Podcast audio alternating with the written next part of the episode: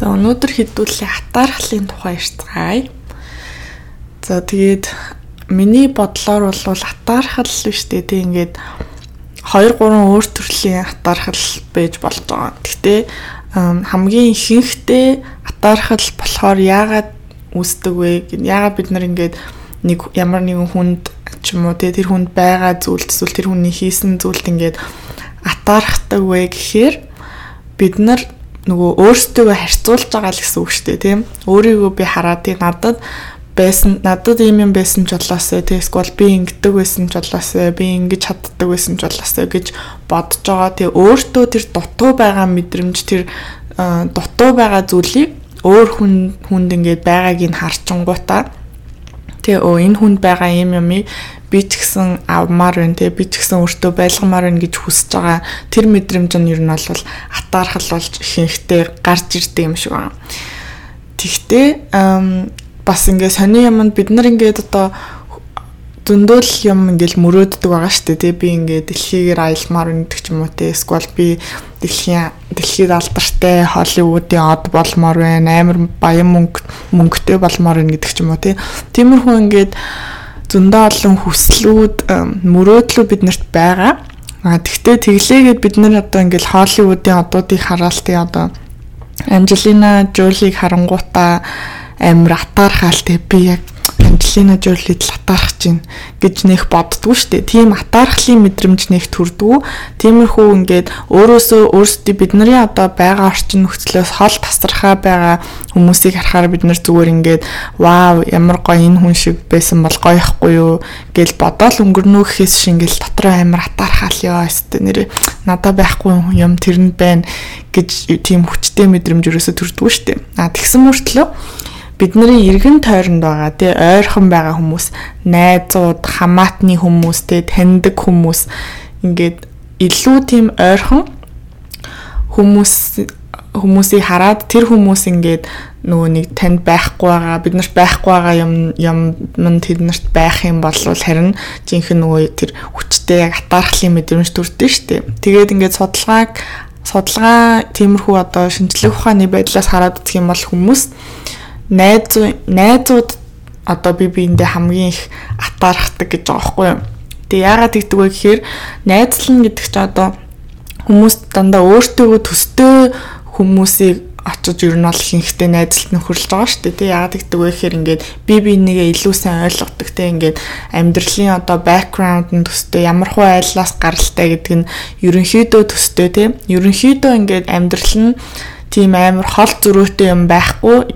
Ерөнхийдөө төстэй ингээд нэг ангийн хүүхдүүд ч юм уу тий нэг ажлын газрын хүмүүс тийм байдаг. Учраас бид нар илүү татн ингээд би бинтэйгээ найзлах боломжтой болж байгаа шүү дээ тий илүү ингээд relatable гэсэн үг. А тийм байдаг учраас хоорондоо хатаархах мэдрэмж нь бас хамаагүй хүчтэй хамаагүй илүү боломжтой. Ягаад гэвэл одоо ингээд яг адилхан хоёр найзууд байж байгаа шүү дээ тий тэнгуут ингээд миний амар хиймээр байгаа чадахгүйсэн зүйлийг манай найз хийчлээ. Тэнгүүт би харчингуудаа ингээд атаархаж байгаа байхгүй юу. Тэг яагаад тэгж байгаа вэ гэхээр би бол дотроо тэг бит хоёр ингээд яг адилхан өгдөлтэй байсан. Би ч гэсэн ингэж болох байсан. Тэг би ч гэсэн ингэж чадаж болох байсан. Эсвэл би ч гэсэн юм юмтай байж болох байсан. Яагаад энэнд байгаа надад байхгүй байгаа юм бэ гэдэг тийм логик нь ингээд орж ирдэг юм шиг байхгүй бид нарын тархинд Тэгэхээр ингээ илүү relatable, илүү өөртөө ойрхон байх тусмаа хатаархах мэдрэмж хүчтэй төрдөг. Тэгээ угаасаа тэрнээс ингээ зүгтах аргагүй бид нар бол хүмүүс бол ингээ зөндөө олон дутагдaltaй талууд ингээ цаанаасаа бид нарын тарих тэгж ажилтдаг юмнууд ингээ зөндөө байгаа штэ тий. Тэгэл тэнгуут ингээл хүмүүс нөгөө нэг өстэй муухай хатаарах уу юу юу гэддэг лээ. Атаархал бол ингээл хамгийн муухай зүйл найздаа атаархаад ихтэй яа тийм баяр хүрхийн орн морно гэл дандаа тийм шүүмжлэлтэй дандаа тийм сөрөг байдлаас ханддаг. Аа тэгтээ яг үнэндээ бол угаасаа цаанаасаа тэгээд чи яах юм бэ те зүгээр юун дээр ялгаатай байж болох вэ гэхээр те цаанаасаа атаархах мэдрэмж төрөөд байгаа ч гэсэн тэрэн дээрээ ингээд нэг амар муухай үйлдэл хийгээд ч юм уу те ингээл нөгөө хүний доош нь татах гад ч юм уу доош нь хийх гээд тэгжээж өөрийгөө ингэж дээш нь гаргаж ирэх гээд тиймэрхүү ингээ үйлдэл гаргадаг бол мэдээж тэр бол муухай зүйл. А тэгтээ яг зүгээр атаархах мэдрэмжийг бол бид нар яаж чадахгүй Тэгэхээр тэрийг тэгвэл яах вэ гэхээр бид нар зүгээр ашиглаж болж байгаа хгүй. Одоо өөрөө өөрсдийгөө ойлгох тийм төхөөрөмж түүл болгож ашиглаж болж байгаа. Яагаад гэхээр ингээ атаархах мэдрэмж төрөнгүүт өөрөөсөө ингээ асууж болж штэ. Яагаад надаа ингээ атаархал төрж ин тийм манай найз аа одоо яачлаа гэдэг чинь айгуу гоё ажилд орчлоо тийм ингээд өндөр цалинтай ийм ийм юмтай айгуу мундаг гоё ажилд орчлоо надаа хатаарах мэдрэмж төрж чинь тэгвэл яагаад гэж байгаа юм бол гэд өөрөөсөө асуунгууд те. Яг өөрөө яг юу юу чамд дутагдаад байгааг ингээд мэдэж авч болно гэсэн үг те. Одоо тэр нь одоо тэр найзын ч орсон ажил нь яг үнэндээ чиний нэг дуртай ажил биш Тэ зүгээр л яг гаднаасаа ингээд тийм successful байгаа юм шиг харагддаг ажил учраас хатаархах мэдрэмж төрж байгаа юм уу те? Эсвэл бол тэр авдаг авдаг цалингаас нь болж хатаарах мэдрэмж төрж байгаа юм уу те? Эсвэл бол зүгээр л тэр найз чи өөрийнхөө ингээд дуртай юм хийгээ дуртай мэрэгчлэрээ хамгийн дуртай ажилд орж чадж байгаа тэр факт нь чамд хатаархах мэдрэмж төрүүлж байгаа юм уу те? Тэрийг ингээд өөрөөсөө сайн асуугаад дотроо ингээд рефлект хийгээ те надад яг юу дутаад байгаа ингээд харах юм бол өөрийнхөө тэр дотроос жинхэнэ хүсээд байгаа юмыг ингээд олж мэдж болох юм шиг санагдчихж байгаа байхгүй юу. За тэгээд ер нь бол ихэнх төрлийн хатаархал бол тийм байдаг гэж бодож байна. Тэгээд миний бодлоор хатаархал бол айгу өөртөө зөв ашиглаж чадах юм бол тийм нөгөө нэг монголоор ингээд цагаан хатаархал матаархал тийм ингээд шар хөдөлгөх гэж ярьдэн штэ тий.